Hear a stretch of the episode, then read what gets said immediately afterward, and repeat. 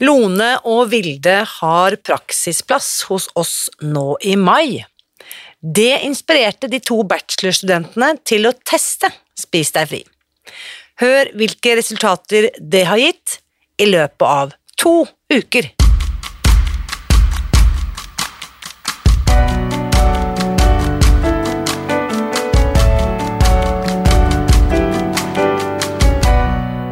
Mitt navn er Irina Lie. Jeg er journalist og forlegger, gründer og sosial entreprenør. I 2015 spiste jeg meg fri fra overvekt og fedme etter å ha slitt med vekt, kropp og følelser i nesten 30 år. Etter at jeg knakk koden, ga jeg meg selv et nytt oppdrag å dele denne kunnskapen med alle som trenger det. I denne podkasten kan du derfor høre hele lydboken Spis deg fri. Den finner du ved å bla deg tilbake i arkivet og lytte til første sesong. Hver uke inviterer jeg nå gjester som gir deg påfyll til hodet, hjertet og magen. For min visjon er å endre Helse-Norge, og det får jeg ikke til alene. Du bidrar ved å abonnere på podkasten, skrive en omtale i iTunes og tipse meg om hvem jeg burde invitere hit. Da setter vi i gang med ukens episode. De siste årene har jeg vært så heldig å få besøk av bachelorstudenter ved Høgskolen Kristiania på denne tiden av året. Denne våren er det Vilde og Lone som er på besøk hos oss, og kanskje har du allerede sett noe av det de har bidratt med på TikTok-kontoen vår. For i tillegg til å lage inspirerende innhold til sosiale medier, så bestemte disse to studentene seg for å teste Spis deg fri-metoden mens de har praksis her denne måneden. Og hvordan det har gått, det skal du få høre nå. Kjære Vilde og kjære Lone, velkommen til podkasten. Tusen takk. Dette er jo veldig gøy, for dere Det kan du fortelle litt selv, men grunnen til at dere er her, er jo fordi at dere har praksis fra studiet. Så fortell litt om uh, Vilde, du kan jo begynne. Fortell litt om studiet dere går på, hva det, hva det går ut på. Eh, ja, studiet det heter livsstilsendring og folkehelse. Eh, og er jo da en eh, bachelor som vi har tatt gjennom Høgskolen Kristiania. Og ja, vi har levert bacheloren nå, og ja, i praksis som siste innspurt av studiet. Yes. og studiet det Veldig bredt. Veldig bredt, ja. Veldig bred bachelor. Mm. Så vi lærer ganske mye forskjellig. Både rus og ernæring mm. og fysisk aktivitet og egentlig alt som har med folkehelsa å gjøre, da. Yes. Og så har jo vi syntes det har vært litt spennende med den ernæringsbiten. Yes. Også litt fysisk aktivitet. Ja. Men det er jo derfor vi syns det er morsomt å være her, da. Så ja, vi får lære litt mer om kosthold og ja, hvordan mat påvirker kroppen. Fantastisk. Fordi når dere begynte, nå når dette spilles inn, så har dere vært her et par uker, og første uke så bestemte vi oss for å lage noe gøy på TikTok. Ja. Så kan det hende at noen har fått med seg at det har skjedd mye greier på TikTok-kontoen vår de siste ukene, og det contentet er det da dere som har laget. Ja. Så hva visste dere om Lone, hva visste du om Spis deg fri før du kom hit i praksis? Eh, egentlig ingenting. Jeg hadde ikke hørt så mye om det før egentlig vi hørte det gjennom skolen. Eh, og da leste jeg meg jo litt opp, da, og syntes det var veldig spennende. Og så har vi jo prøvd det litt sjøl også, Mhm. nå. For å kjenne liksom på kroppen Yes. sjøl mens vi har vært her. Og det har jo vært veldig spennende, Mhm. syns i hvert fall jeg. Det var det jeg syntes var veldig spennende. fordi at da tenkte jeg at da kan vi snakke litt om det, hvordan det har vært for dere, og ikke minst hva dere lurer på. Ja. For jeg vet at mange av de som vurderer å starte opp, har jo sikkert 100 spørsmål. Mm. Og de spørsmålene har sikkert, mange av de spørsmålene har sikkert dere også tenkt på. Mm. Ja. Så da tenkte jeg at vi kan eh, la denne episoden være en sånn slags kunnskapsdeling for de som nå har lyst til å prøve å spise seg fri i praksis. Bokstavelig talt. Ja. Kanskje ikke så bokstavelig som det dere har gjort, faktisk, men eh, for de som har, har lyst til å teste og prøve, og hvordan komme i gang. Mm. Så jeg vet ikke, har dere mm, hva er det, hvilke typiske ting er det dere har lurt på, som dere har på en måte stusset ved når dere skulle starte? Mm, jeg har jo følt meg ganske sulten på kvelden. Er det noe man kjenner på i begynnelsen, eller er det bare fordi at vi har spist for lite? Det er ikke uvanlig å kjenne på sult når du legger om kostholdet, og spesielt på kvelden. Um, og da er det jo viktig å huske på at det er mange typer ulike, ulike typer sult. Det er, kan jo være at uh, kroppen din rett og slett er sliten. At uh, den er utladet. Uh, og en respons da kan jo være at 'gi meg energi'. Ja. Jeg har ikke mer energi igjen. Og et, mitt beste tips da, vil, for den som ønsker å spise seg fri, er i stedet for å fylle på med mat om kvelden, vil være at du går og legger deg og gir kroppen din hvile. Men det kjente jeg òg litt på når jeg skulle legge meg, at det var litt vanskelig å sovne eh, siden jeg var så sulten. Ja. Um, men da tenkte jeg jo sånn som Jeg liker jo å trene, og det vet jeg jo at det anbefales jo ikke når man begynner på dette. Eh, og jeg kjente jo at energien var jo ikke samme som før, når jeg spiste Ikke spiste jeg fri. Em, så ja. En annen grunn til at eh, du kan kjenne på sult eller utmattelse på kvelden, er jo rett og slett at kroppen, spesielt i oppstarten av Spis deg fri, går gjennom en slags eh, detox-prosess. En avrusning eller en avgiftning fra sukker og mel da, som vi slutter å spise. Så det at eh, du kjenner på at du er liksom helt utladet, på en annen måte sliten enn det du har vært tidligere, det er heller ikke uvanlig. Og det er også en av grunnene til at vi oppmuntrer til, eller oppfordrer til, å ta en pause fra treningen i denne overgangsperioden. Fordi ved å pushe kroppen ytterligere gjennom trening, så kan den effekten bli på en måte enda verre. Så det er litt sånn omstilling å tenke at nå i denne perioden skal jeg hvile, og, og gi kroppen min på en måte øh, veldig rolig, lite belastning. Spesielt når mange av oss kommer fra hektiske liv og vi er vant til å pakke inn ikke sant, hver våkne time med trening, aktivitet, jobb. Ehm, så jeg er også nysgjerrig på om du har drukket nok gjennom dagen, fordi at det er også ikke uvanlig å kjenne på mye sult som rett og slett skyldes at kroppen er tørst og ikke nødvendigvis trenger mer mat. Ja, Ja. for det har vi jo Eh, vært litt påpasselige med, egentlig. Eller jeg føler i hvert fall at jeg har vært flink til å drikke. Og så føler jeg at jeg har prøvd å drikke meg mett, på en måte, når jeg har vært sulten. mm, Eh, så ja, jeg føler liksom at jeg har fått i meg nok, da, men kan hende det ikke er det i det hele tatt. Det er lett å undervurdere hvor mye vann kroppen Mm. trenger i løpet av en dag. Um, og spesielt også i forbindelse med denne oppstarten av Spis deg fri, når kroppen går inn i denne avrusningen, så er det kjempefordel å bare skylle driten ut, bokstavelig talt. Ja. Så drikke enda mer Nå høres det ut som du har drukket veldig bra, da. Mm. Så det går altså Nå skal jeg ikke si det, da, men det går nesten ikke an å drikke for mye. Nei. Så, og sånn som du er inne på også, det er mye um, Det er mye sult som kan stagges med å drikke vann eller te, f.eks. Ja. Men uh, jeg har merka nå, etter vet jeg, to uker, er det vel snart, vi har gått på det, at nå er jeg ikke like sulten.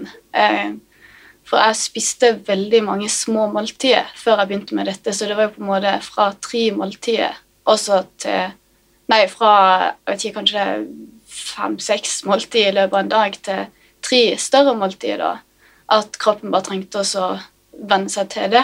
Yes. Um, Og den overgangen som du beskriver, når man går fra mange små måltider hver dag til å bare ha disse tre store, på en måte klart avgrensede måltidene, er en kjempeovergang for folk flest. Jeg husker selv, så når jeg tenker tilbake på det, så var det som om jeg var på beite fra morgen til kveld. Jeg begynte dagen med småspising, og så spiste jeg frokost, og så var det kanskje et eller annet mellom frokost og lunsj, og så Eh, Fikk jeg lyst på et eller annet, stappet i meg et eller annet, og så gikk jeg meg en tur, og da tok jeg meg en banan eller en yoghurt, og så holdt jeg det gående. Mm.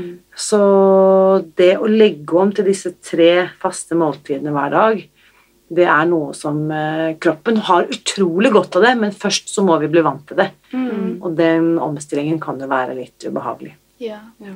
For det har jeg jo merka sånn nå eh, Nå vet jeg at jeg skal ha de tre måltidene. Så da trenger ikke jeg å tenke på å, hvis jeg skal innom butikken, hva skal jeg kjøpe da? For jeg skal ikke ha noe. Skal ikke ha noe. For alt er på en måte planlagt, og jeg vet at nå skal jeg spise det. eh, Ja, Ja. Det syns jeg har vært egentlig noe av det beste nå. Ja. At du slipper egentlig å stresse så mye rundt mat. Og blitt litt mer sånn klar over Det er ganske mange timer i løpet av en dag du faktisk bare går og tenker på mat. Og du har akkurat spist frokost, og så begynner du å tenke allerede på lunsjen, liksom. Og ja. Så det har vært deilig, for du har det klart, bare. Det er det du skal forholde deg til, og så ferdig med det. Det er lett å tenke at uh, spis deg fri tar mye tid. Men Mm. akkurat det du beskriver der, at eh, når jeg først har planlagt hva jeg skal spise, så sparer det meg faktisk for veldig mye Mm. tid. For da slipper jeg å gå og kverne på liksom, hva skal jeg spise. Spiste jeg for mye? Burde jeg Mm. spise litt mer? Skal jeg spise? må jeg kompensere for det jeg spiste for mye i går? Burde jeg ta meg en treningstur? Hele det der maskineriet, som bare, det tankekjøret som bare går og går og går. Ja. Det setter vi på en måte en veldig effektiv stopper for når vi legger en plan på hva vi skal spise til lunsj, frokost, lunsj og middag, Mm. og så trenger vi ikke tenke mer på det. ja. Det er sant. Mm. Det jeg vet at uh, veldig mange stusser på, er jo dette med hvorfor må jeg veie maten? Og uh, den enkle Jeg vet ikke om dere har eh, hatt noe trøbbel med å veie maten? Nei Eller jeg syns det har gått greit. Det gikk gått greit. I begynnelsen så veide vi maten ganske nøye, bare for å se liksom hvilke størrelse det var. Vi har jo aldri veid maten i ounces før, så det var jo nytt. Um, men sånn etter hvert så prøvde vi bare å følge prinsippene på hva man skulle spise, hva man ikke skulle spise, og ta det litt på øyemål. Em, Tallerkenmodellen, at du på en måte vet at du skal Ja. sette sammen måltider med grønnsaker og korn og fett og protein og sånne ting. Mm. Eh, vi har jo ikke på en måte hatt noe mål om å gå ned i vekt. Um, så veier vi så mye. liksom- Ja, Ja, det har så, ikke vært det viktigste. Kun egentlig bare det riktig Mm. mat, da. Mm. Eliminere bort det som ikke kan spises. ja, Så det som er viktig å huske på, er at det å veie maten er også en uh, sikkerhet, da, eller en garanti for at jeg faktisk spiser nok.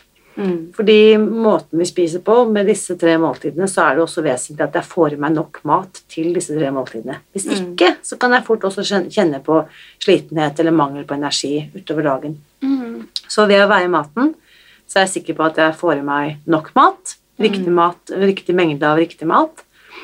Um, og av og til så er det litt sånn eh, counterintuitive, holdt jeg på å si, at ha, spesielt hvis man spiser for eksempel lette grønnsaker, sånn som salat, så er det nesten umulig å forstå hvor mye salat jeg trenger hvis jeg skal fylle opp de ti ouncene med salat. da. mm, Ja. Så det at jeg veier maten, gir meg også en trygghet i, og frihet fra det tankekjøret som ellers kan oppstå med tanke på liksom, har jeg spist for mye, har jeg spist for lite, burde jeg spist mer. Så veiing av mat er for mange av oss eh, liksom skikkelig nøkkelen til suksess. mm. Ja.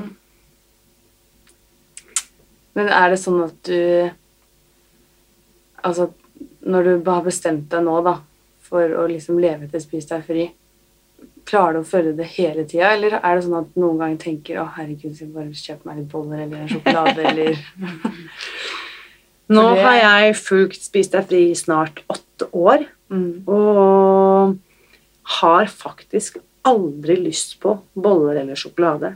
Det er ikke lenger noe jeg forbinder med mat.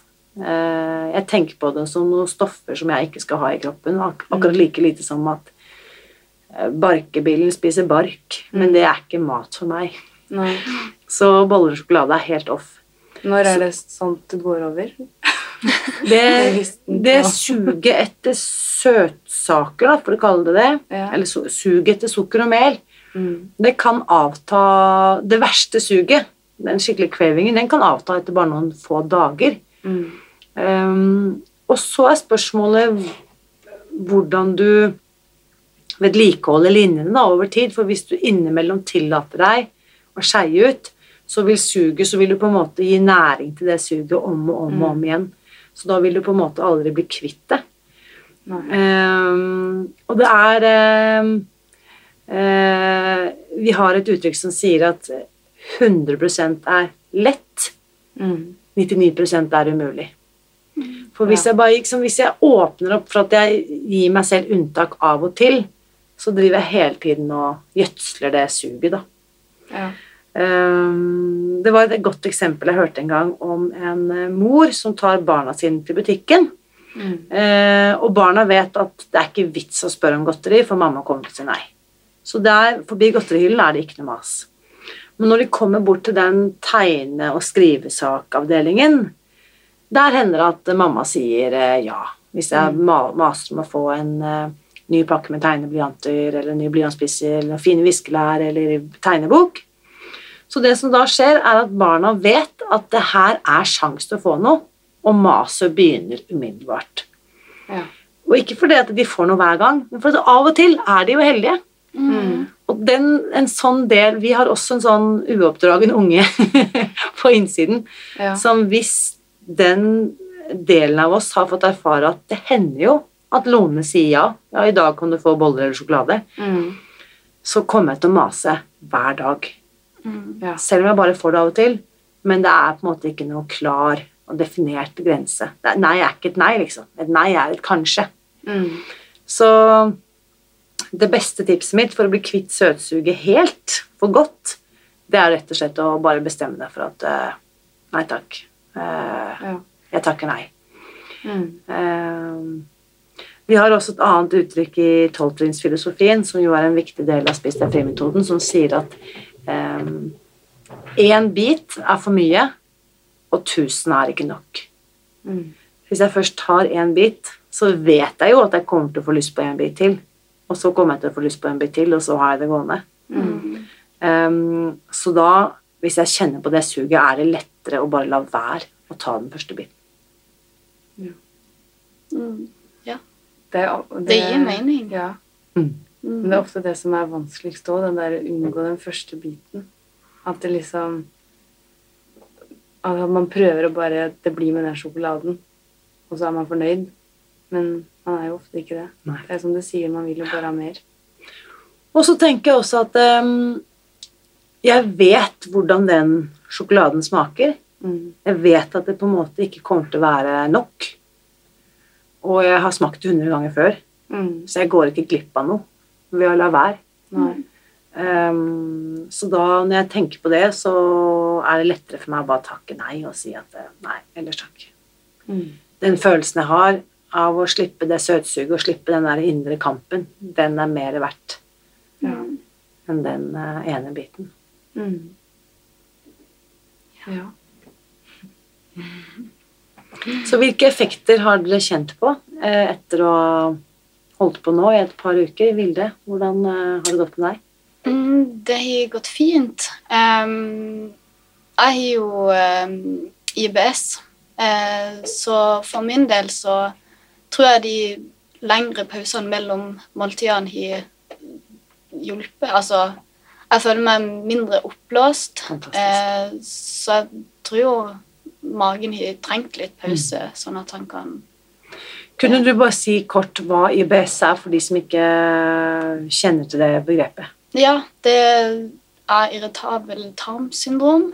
um, hvor man på en måte Magen er veldig sensitiv mot enkelte matvarer. Um, det, det er ganske mange som har IBS, eh, og folk har forskjellige ting som de altså reagerer mest på. Jeg har jo på en måte funnet mine ting um, siden jeg fulgte Low Food Map. Det er en sånn diett som uh, på en måte er veldig magevennlig.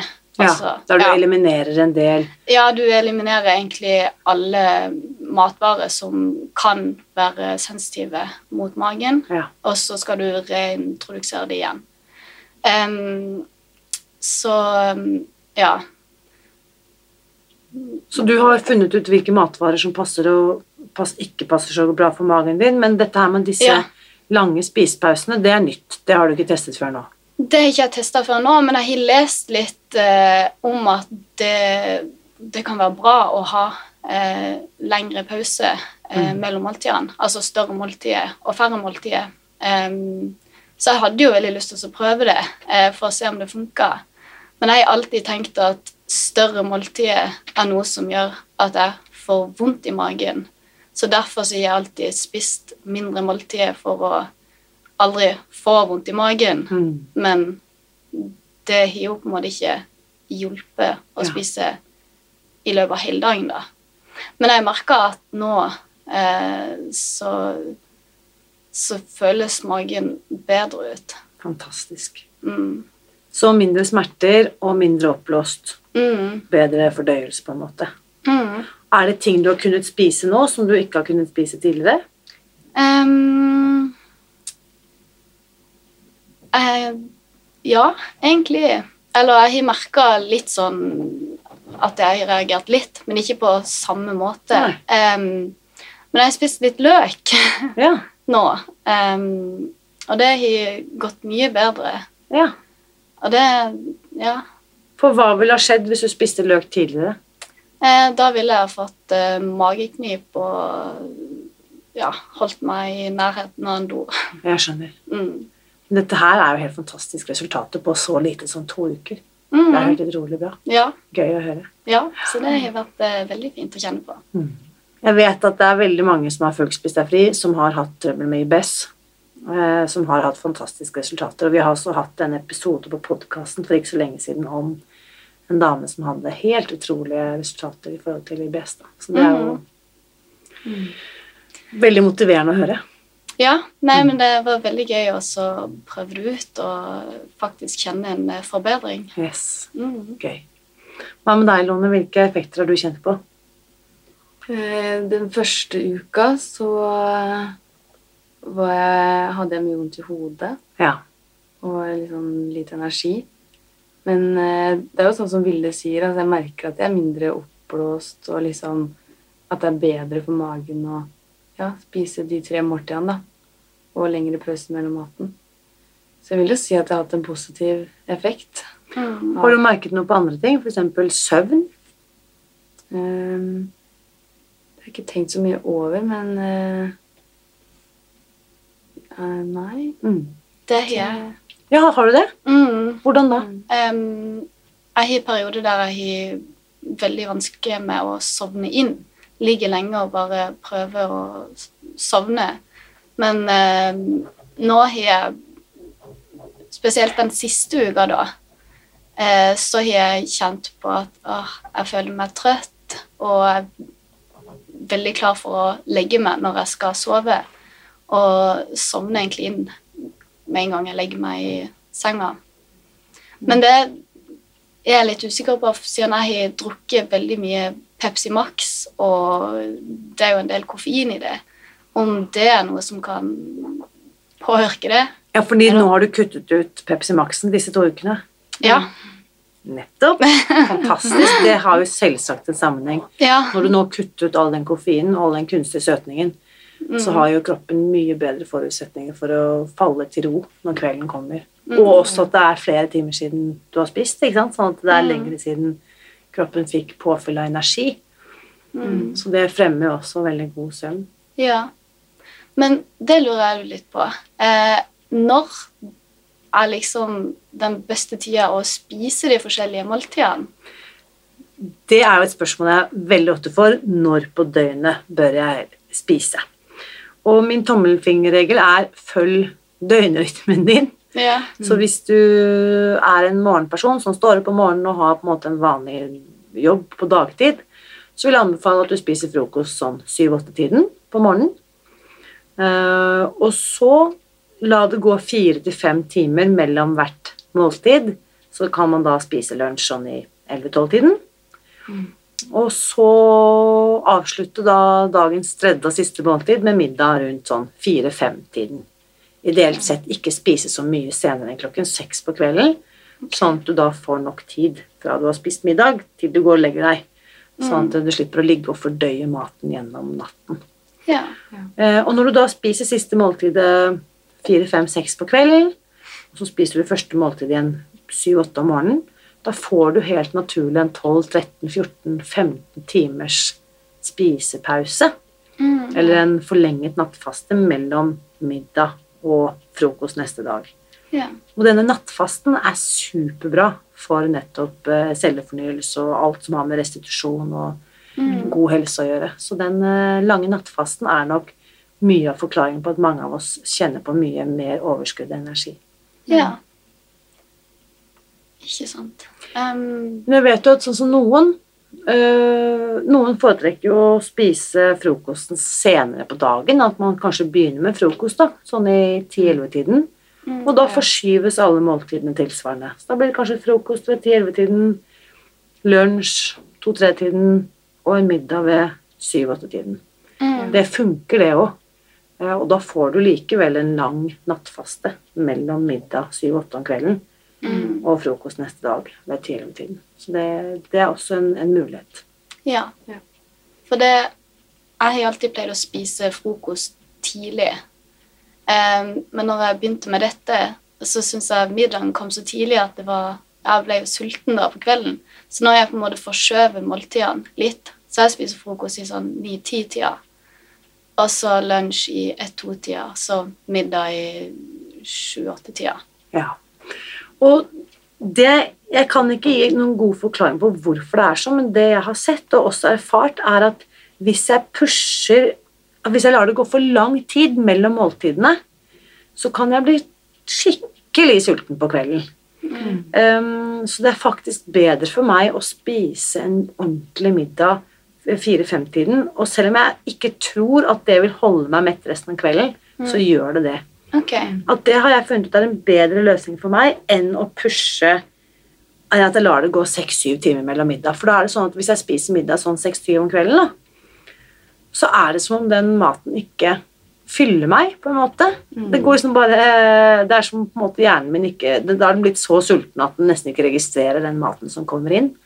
Ja. Så jeg har opplevd at det er bedre å spise måltidene tettere tidligere på dagen, og det gir meg en større metthetsfølelse også utover ettermiddagen. ja. Merkelig nok. Ja, interessant. Ja. Men sånn trening og disse tre måltidene Der syns jeg det har vært litt vanskelig å få inn når skal jeg få tatt den treningsøkta? Ja. for jeg vil jo ikke være for mett og ikke for sulten. Og så vil man gjerne ha litt mat etter trening. Ja, Hvis man tar det etter middag, da, så blir det ikke noe mer mat resten av kvelden. Ja. Jeg har eh, best erfaring med å trene enten før frokost. Mm. Det syns jeg funker veldig bra for kroppen min. Uh, eller så kan det være typ på vei hjem fra jobb. Aktig. Ja. At jeg trener, og så kommer jeg hjem, og så spiser jeg middag. ja. Så det å planlegge treningen etter måltidene, det vil jeg jo anbefale. At ikke jeg eh, det, det, Altså, det er måltidene som ligger som sånne eh, ankerfester gjennom dagen min, og så planlegger jeg resten av dagen min rundt måltidene mine. ja. Så alternativ kan være å trene før frokost, eller trene før lunsj, eller i lunsjpausen, sånn at hvis noen har mulighet til det, og så bare spise litt etterpå. Eller før middag. Og da slipper vi også det at vi drar på oss eh, hold, eller eh, ikke sant? At, at vi er for mette nå når vi skal trene, for det er jo direkte ubehagelig. ja. Så, og så har vi mye mer energi enn vi tror. Vi trenger ikke å trykke innpå med yoghurt eller banan før trening. Eller, det, er, det er en myte. Vi har masse energi lagret i kroppen vår som vi kan tappe inn på når vi skal trene. Så det vi har med oss inn på treningssenteret av lagret energi, er nok for å ta meg gjennom den økten på en halvtime eller time, eller hvor lenge jeg holder på. da. ja. Så Så hva tenker dere om eh, veien videre? Nå er det jo halvveis i praksisen, sånn mer eller mindre, når denne episoden spilles inn. Hva, hva tenker dere om eh, veien videre, både i forhold til dette med kosthold og, og som, med hva dere selv har lyst til å gjøre? Lone, hva tenker du? Eh, I forhold til kostholdet så har vi jo lyst til å prøve å holde ut mai. For å se. Um, og veien videre sånn hva jeg gjør i forhold til skole og jobb, det Ja. er uh, litt mer usikkert. Ja. Jeg vet ikke helt. Har det gitt uh, Er du inspirert eller motivert til å fortsette å jobbe med helse og kosthold og folkehelse? Ja, Absolutt. Det er noe innenfor det jeg kommer til å gå videre med. Ja. Som jeg interesserer meg for. Spennende. Mm. Hva med deg, Vilde? Hva tenker du? Om eh, måten å spise på, Ja, for eksempel. Ja. Um, ja, vi skal jo holde ut mai. Um, men jeg kommer til å ta med meg den tre måltider om dagen Um, og prøve å holde til det. For Mm. det har jeg egentlig likt. Um, men det blir nok ikke helt etter alle prinsippene. Mm. Uh, men noe kommer jeg til å ta med videre. Og det tenker jeg også er um, egentlig det beste utgangspunktet. At jeg, nå vet jeg om en metode, jeg kan teste det, og så kan jeg også teste altså, Men jeg sier jo veldig ofte at eh, vi er alle nødt til å gjøre vår egen research, og så se hva som funker og ikke. La oss da si at jeg innfører mel igjen, da, og begynner å spise brød. Så kan jeg egentlig bare kjenne på kroppen min hvordan føles dette. Føler jeg meg bedre, eller føler jeg meg ikke fullt så bra nå som jeg spiser brød igjen? Det er litt sånn som du snakker om også om å reintrodusere matvarer. Mm. Og skulle det da vise seg at eh, kroppen min føles skikkelig seig og tung og oppblåst, ok, men da vet jeg jo hva som funker, nemlig det å kutte det ut. Ja, Mm. for det sånn sosialt eh, med mat, og man blir invitert med på ting Um, Er det noe du syns er utfordrende? Det er veldig interessant at du sier, for at eh, det er jo kanskje noe av det vi bruker aller mest tid på å snakke om i uh, kurset vårt. I dette grunnkurset i Spis deg fri. Så er det jo hvordan skal jeg navi- navigere sosiale situasjoner. Hvordan skal jeg klare å følge disse fire klare linjene når jeg blir invitert bort, eller på familiebesøk, eller ute når jeg spiser. Og her er det liksom rett og slett en masse hacks og triks og tips som er lette å ty til for å kunne komme unna da, i sosiale situasjoner. Og det å følge disse prinsippene i sosiale lag syns jeg kanskje noe var, var noe av det vanskeligste da jeg startet. Så egentlig så tror jeg det mye handler om at jeg eh, At det begynner med at jeg må ta et møte med meg selv og bare sette meg ned og tenke gjennom hvordan ønsker jeg å ha det, hvordan ønsker jeg å leve livet mitt. Ønsker jeg å være en som er der på andres premisser hele tiden, eller skal jeg øve meg på å bli den viktigste personen i mitt eget liv? Hvis det er sånn at eh, svigermors rundstykker eller søndagskaffe og kaker eller desserter Hvis det gjør sånn at det får meg til å føle meg dårlig, er det da viktigere at jeg tar vare på meg selv, eller er det viktigere at jeg holder svigermor happy? Det er rett og slett Ja. en så vanskelig og enkel samtale. Mm. Og de svarene som den enkelte kommer frem til, vil jo være helt individuelle. Men på et tidspunkt så kom jeg frem til at eh, vet du hva, jeg er et voksent menneske. Hvis ikke jeg tar ansvaret for meg, og hvis ikke jeg tar vare på meg selv, hvem er det som skal gjøre det da? Mm. Hvem skal jeg outsource det ansvaret til?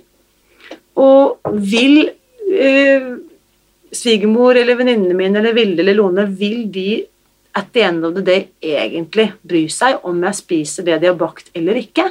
Nei. Er ikke det som er viktig, er ikke det at vi sitter her, deler dette måltidet, ser hverandre i øynene, snakker sammen, er sammen og til stede? Ehm, og hvor, hvordan kan livet mitt bli hvis jeg faktisk nå våger å stå opp for meg selv, sette grenser, takke nei Mm. og ta vare på meg selv? Da. Ja, det er jo Det er kun det- du som kan gjøre at du har det bra. Mm. Mm. Men det er akkurat det at fokuset burde jo heller vært litt sånn, men så føler jeg ofte at fokuset blir litt sånn at folk dømmer, dømmer med en gang sånn at du, du kan spise den pizzaen, du legger ikke på deg for det, liksom, men så handler det liksom ikke om det. Mm. Men at folk tror liksom at alt handler om kropp, og om man skal gå opp og ned i vekt og Yes. alt. Ikke hvordan man Mm. liksom har det inni seg sjøl. Liksom, liksom, ja. Det var Du skal en, det bra, på en måte. da jeg begynte, var det en venninne som pushet meg skikkelig. Hun bare Men det er jo så tøysete at ikke du skal, ikke sant? Ja. Og herregud, og ta deg sammen. Og så måtte jeg si til henne at eh, hadde jeg fått påvist nøtteallergi, Mm. så hadde ikke du sittet og pushet på meg de pekanøttene nå. Da hadde du tenkt sånn Å, så bra at du har oppdaget det. Så fint at du liksom tar Mm. ansvar for det, og at uh, det er noe du kan ta hensyn til. Um, og så sier da venninnen min at du har jo ikke nøtteallergi, Rina. Du har i Mm. hvert fall ikke liksom allergi mot sukker og mel. Så sier jeg, men sånn er det faktisk for meg. For at den psykiske effekten av hva den maten gjør med meg, er Mm. verre enn det en nøtteallergiker opplever. Ikke sant? Eller minst like ille. Ja. Så jeg skjønner at det er vanskelig å forstå, men sånn er det for meg. Så Mm. derfor har jeg valgt disse tingene vekk. Ja. Sånn, eh, det merka jeg veldig når jeg gikk på den eh, low food map-dietten, at jeg kunne ikke gå og spise taco, fordi jeg kunne ikke ha løken i tacokrydderet. Mm. Og da var det sånn Jeg merka at folk syntes det var veldig rart Mhm. av meg.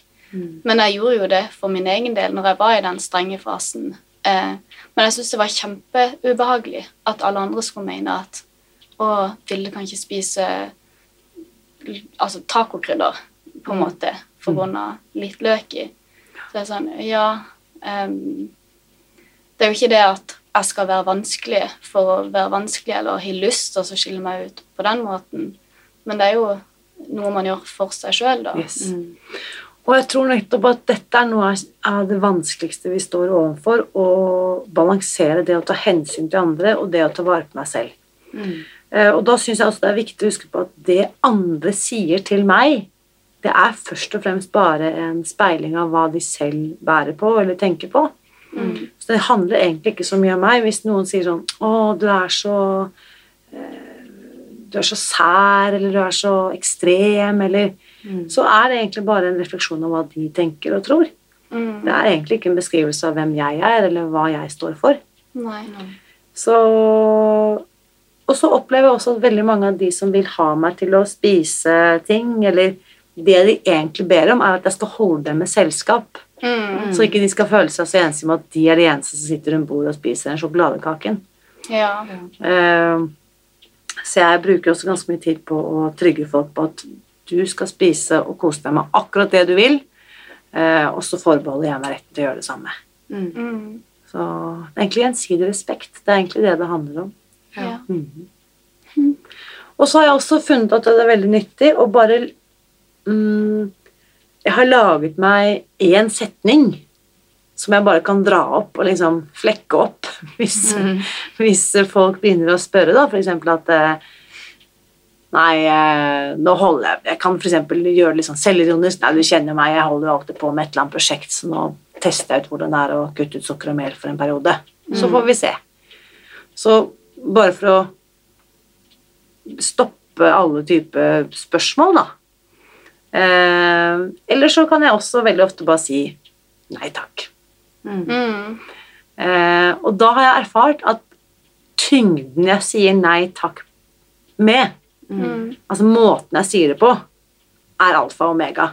Hvis jeg sier sånn åh, nei takk, jeg skulle så gjerne, altså, men jeg kan ikke. Og, ikke sant? Da inviterer jeg jo andre til å bare invadere meg med flere tilbud. Ja. For da vil folk mase og prøve liksom å overtale meg og bare, bare spise litt og sånn og sånn. Men hvis jeg sier liksom nei takk, og i tillegg liksom slenger opp en hånd, bare sånn nei takk. Ellers takk. Ellers tusen takk. Nei takk. Mm. Så er det på en måte ikke noe rom for at vi skal komme inn og ja, Jeg inviterer ikke inn til noe oppfølgingsspørsmål.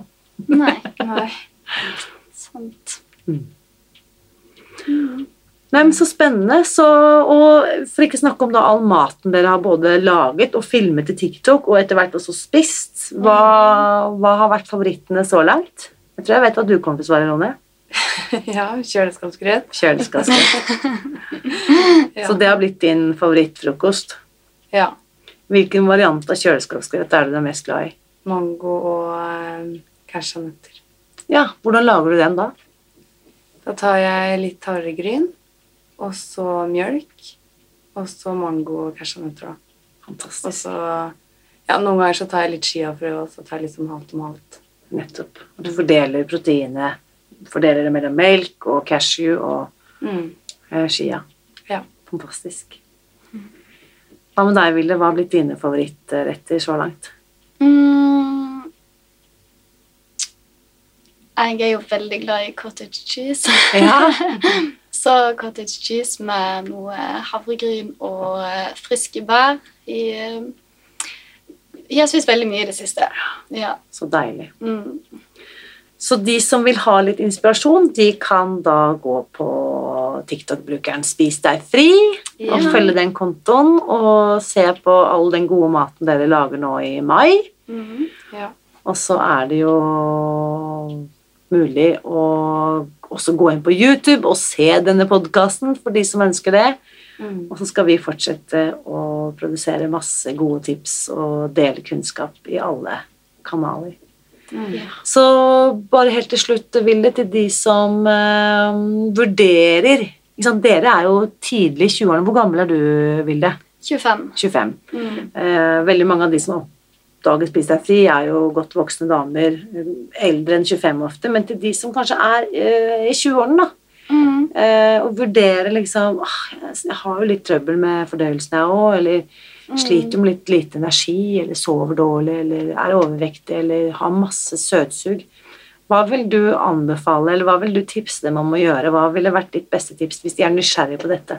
Mm, da ville jeg tipsa de om å prøve Em, altså sette av to uker eller uh, lenger eh, og bare tenke at nå skal jeg gjennomføre dette. For det er jo det det handler om. altså sånn, Når man bare bestemmer seg for at nå skal jeg gjøre dette, så vet du at da er det det du skal gjøre. Um, så jeg ville absolutt prøvd det. Um, Og så er det veldig lett. Altså, vi har jo blitt eksponert for veldig mange andre dietter og kalorier og ditt og datt Mm. og ja, you name it. Mens her er det liksom så enkelt, for du husker bare på liksom alt i hodet. Og så er det de tre måltidene, og så Ja. Det er liksom én protein, Ja. korn, Mm. én frukt. Altså, Ja. altså Man lærer seg mengdene veldig fort. Mm. Og det er på en måte Du vet allerede hvor mye du skal ha av det. Så man Mm. trenger ikke å Man trenger faktisk ikke å tenke så mye. Nei. Nei. Noen har tenkt for det. Ja. Mm. Det er det. Og så er det jo ganske Eller veldig mye god mat. Mm. og variasjoner, og du kan trikse og mikse og ja, i Mm. hytt og pine, så man blir ikke lei. Nei. Du kan spise veldig mye mat og ja, ha det helt supert. Fantastisk.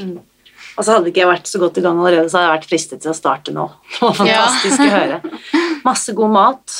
Bare teste. Prøv det i 14 dager. Mm. Og bare sett i gang, og så finn din frokostfavoritt. Så er mye Ja. gjort. Ja. Mm. Ja. Fantastisk. Eh, Så glad for å bli kjent med dere i, i, praks, i praksisen. ja, i like måte. Så tusen takk for at dere er med, og takk for at dere deler denne, disse erfaringene også. Tusen takk. Mm. Nå lurer jeg på, hva tenker du etter å ha hørt min samtale med Lone og Vilde i dag? Samtalen etter ukens episode fortsetter som vanlig i den åpne Facebook-gruppen Spis deg fri. Der kan du gjerne også dele dine egne erfaringer og fortelle hvilke fysiske og mentale og følelsesmessige resultater du har fått etter å ha lagt om eh, kostholdet. For de fleste som begynner å spise seg fri, oppdager jo at eh, disse greiene handler om så utrolig mye mer enn vekt. Og det synes jeg er så spennende å høre om, så del gjerne dine erfaringer i Facebook-gruppen vår.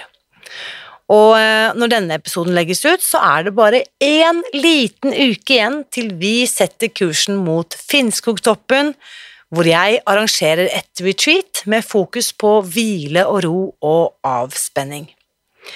Du kan gå til eh, spisdegfri.no hvilepuls og lese mer om dette retreatet, som jeg altså har kalt Hvilepuls på Finnskogtoppen. Vi starter neste søndag, vil si søndag 28. mai 2023, og retreatet det varer i fem dager frem til fredag 2. juni. Her får du rett og slett muligheten til å gi deg selv en knallstart på sommeren. Og tenk så mye mer du har å bidra med og gi til alle andre når du først sørger for å lade opp eh, dine egne batterier. Og når du sjekker inn på dette fantastiske spahotellet midt i skogen, så vil du få muligheten til å oppdage hvordan det kjennes ut når du gir deg selv anledning til å virkelig gi slipp slappe av og virkelig finne roen.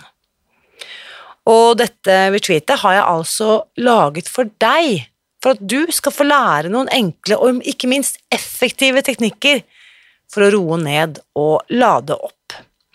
Du kan lese mer om eh, dette oppholdet på spisdegfri.no hvilepuls.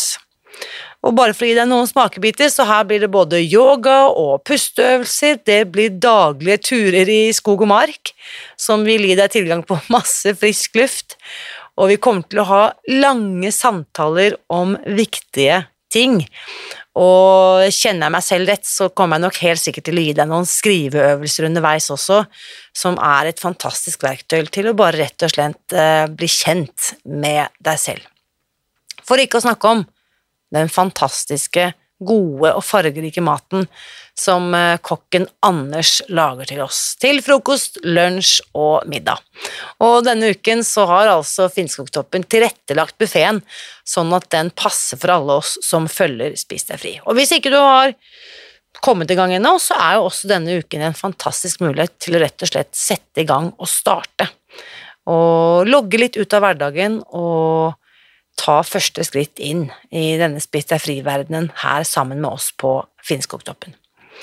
Og da, når eh, kvelden kommer, så inviterer vi deg til å bli med på en fantastisk avspenning i Storsalen, hvor min gode venn og kollega Robin vil ta deg med på gongbad. Og dette er rett og slett en praksis som virkelig inviterer til avspenning, og som gir deg muligheten til å slappe av uh, med hele kroppen og alle sansene. Det, det, kan jeg virkelig anbefale. Alt dette og mye mer kan du altså få oppleve på Hvilepuls på Finnskogtoppen fra søndag 28. mai til fredag 2. juni. Du, hvis du vil være med oss på tur, det er fortsatt uh, plasser igjen, da kan du gå til spisdegfri.no hvilepuls og melde deg på. Husk også Uansett hva du velger å bruke tiden din på nå i mai, så vit at jeg heier på deg. Alltid.